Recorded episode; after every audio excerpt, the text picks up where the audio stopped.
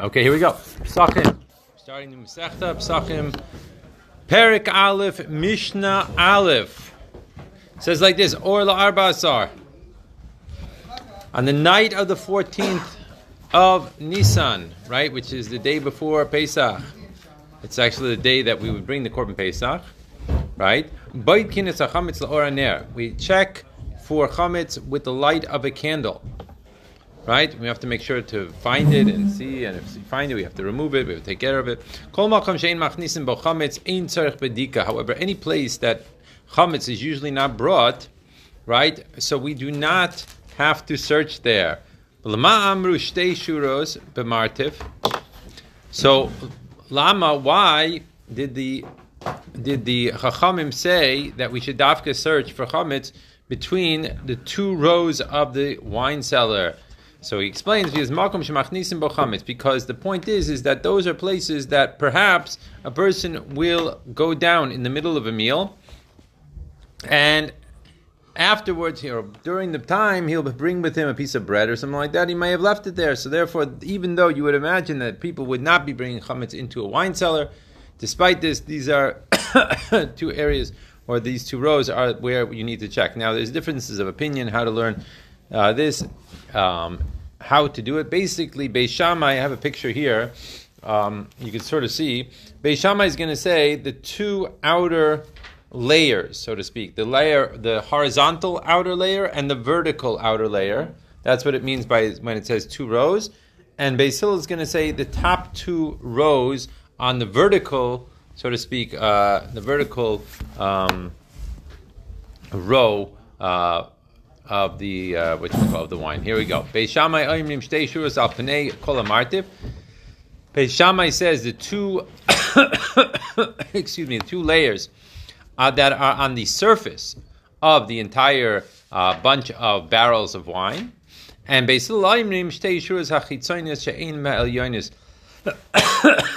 Beis Hillel says, no, we're talking about the two outer rows that are highest on this uh, on this bunch of barrels of wine. Mishnah Beis. Ein chashim shema grara chulda. Lebayis lebayis. Interesting, we mentioned chulda again today. We had, saw her name chulda yesterday in Yirsa class, right? Chulda means a weasel. And so it says like this, that we are thinking to ourselves, okay, well, I cleaned my house, or I cleaned this room of my house, and uh, it's clean right now, that I know, but maybe uh, in an hour, two hours, there will be a uh, an animal, a weasel, for example, that will be walking around with a piece of uh, piece of cake in its mouth or something like that, or a piece of bread in its mouth, and maybe it'll deposit it here. So do I have to be concerned to constantly be looking over and over and over again to make sure? Yes, and you know, make like you know, like like one of those lists at the door that they're cleaning the place. Eleven oh two a.m. It was clean. Okay, then twelve thirty five. It was clean. You know, one seven. You know, but so he says, no, no, we do not have to be concerned that perhaps a weasel will carry it from one house to another house, right? From a place, namely, that wasn't searched to a place that was searched, from a makom to makom, or even in the house itself, a place that wasn't searched to a place that was searched, the imkain, because if that was the case, we'd have to be worried for so many different possibilities. For example, mechatzer lechatzer, meir leir, right, from one uh, courtyard to another courtyard, from one city to another city, right? There's, there's no end to all the things that we'd be concerned about. Weiter. Mishnah Gimel, one more Mishnah we'll do. Rabbi Yehuda Imer Boikim or the Arba Asar. So you have to search on the night of the 14th, as we said before. Uba Arba Asar and not only that, he says like this: Let's say that you forgot, you missed the time to check for chametz on the nighttime. So what should you do instead? Check in the morning.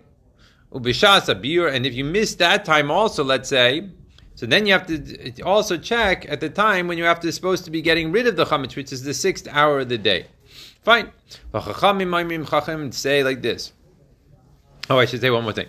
But if at the end, like if, if at the end of that hour, right, that we know that the chametz is now also deraisa, right? So now, from now on, we say don't search anymore. Why?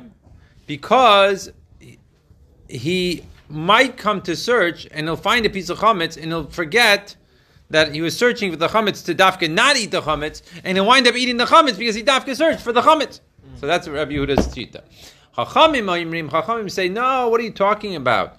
Lo badak or arba asar. If you didn't, if you didn't check on the night of the fourteenth, yivdok ba arba asar. Do it in the daytime of the fourteenth. Lo badak ba arba asar. If you didn't check on the fourteenth, yivdok b'sach hamayid. Check in the middle of the yontif. If you didn't check, lo badak b'sach hamayid. If you didn't check in the mayid, yivdok la'achar mayid. Right, check after the mayid.